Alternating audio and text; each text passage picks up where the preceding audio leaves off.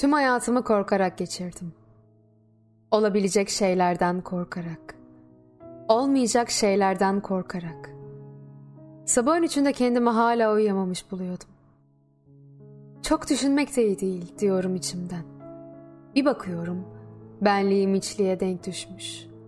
Bir bakıyorum kocaman bir hiçliğin ortasında duruyorum. Ben bir fotoğrafın sonbaharında kışlara bakıyorum. Bakıyorum belirsiz ama anlamlı bir düşünceyi durmadan evirip çevirmeye başlamışım kafamda. Arkama dönüp şöyle bir bakıyorum da aklımızdan başka kaybedecek neyimiz kaldı ki? Cama kırılmış bir dünyadan bakıyorum. Yırtılmış bir tül gibi savrulurken zaman vazgeçmiyorum bir şeyleri beklemekten. Duvarda beyaz bir delik var. Ayna bu. Bu bir tuzak. Yüzümün yansısı bu. Yapacak işim olmadığı günlerde onu seyreder dururum. Gördüğümü bu yüzden hiçbir şey anlamıyorum. Başkalarının yüzleri bir anlam taşıyor. Benimki öyle değil. Güzel mi, çirkin mi? Bunu bile bilmiyorum. Bir insanın içine kaç kişi sığabilir? Bir yürek, birden fazla ruhun karmaşıklığını anlayabilir mi?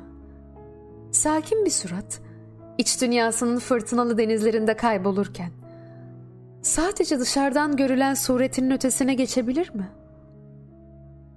Hayat o kadar uzun ki, öyle bitmez geliyor ki bir an. Bir de bakıyorum, o kadar kısalıyor ki, ne çıkar diyorum bir hayattan.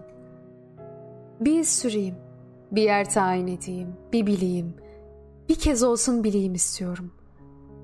Kimse yokken arıyorum, bakıyorum, kendi hayatıma ait bir iz bulamıyorum. İz nedir acaba? Görmek istediğim mi? Gerçekleşmemiş bir hatıram mı? Düpedüz hayal mi? Çok isteyip de olmayan mı? İz ne acaba? İşte böyle geçti bütün yıl. Şu anda fırtına gibi akıp geçtiğimi anlamamış olmama rağmen karışık ve korkutucu geçti.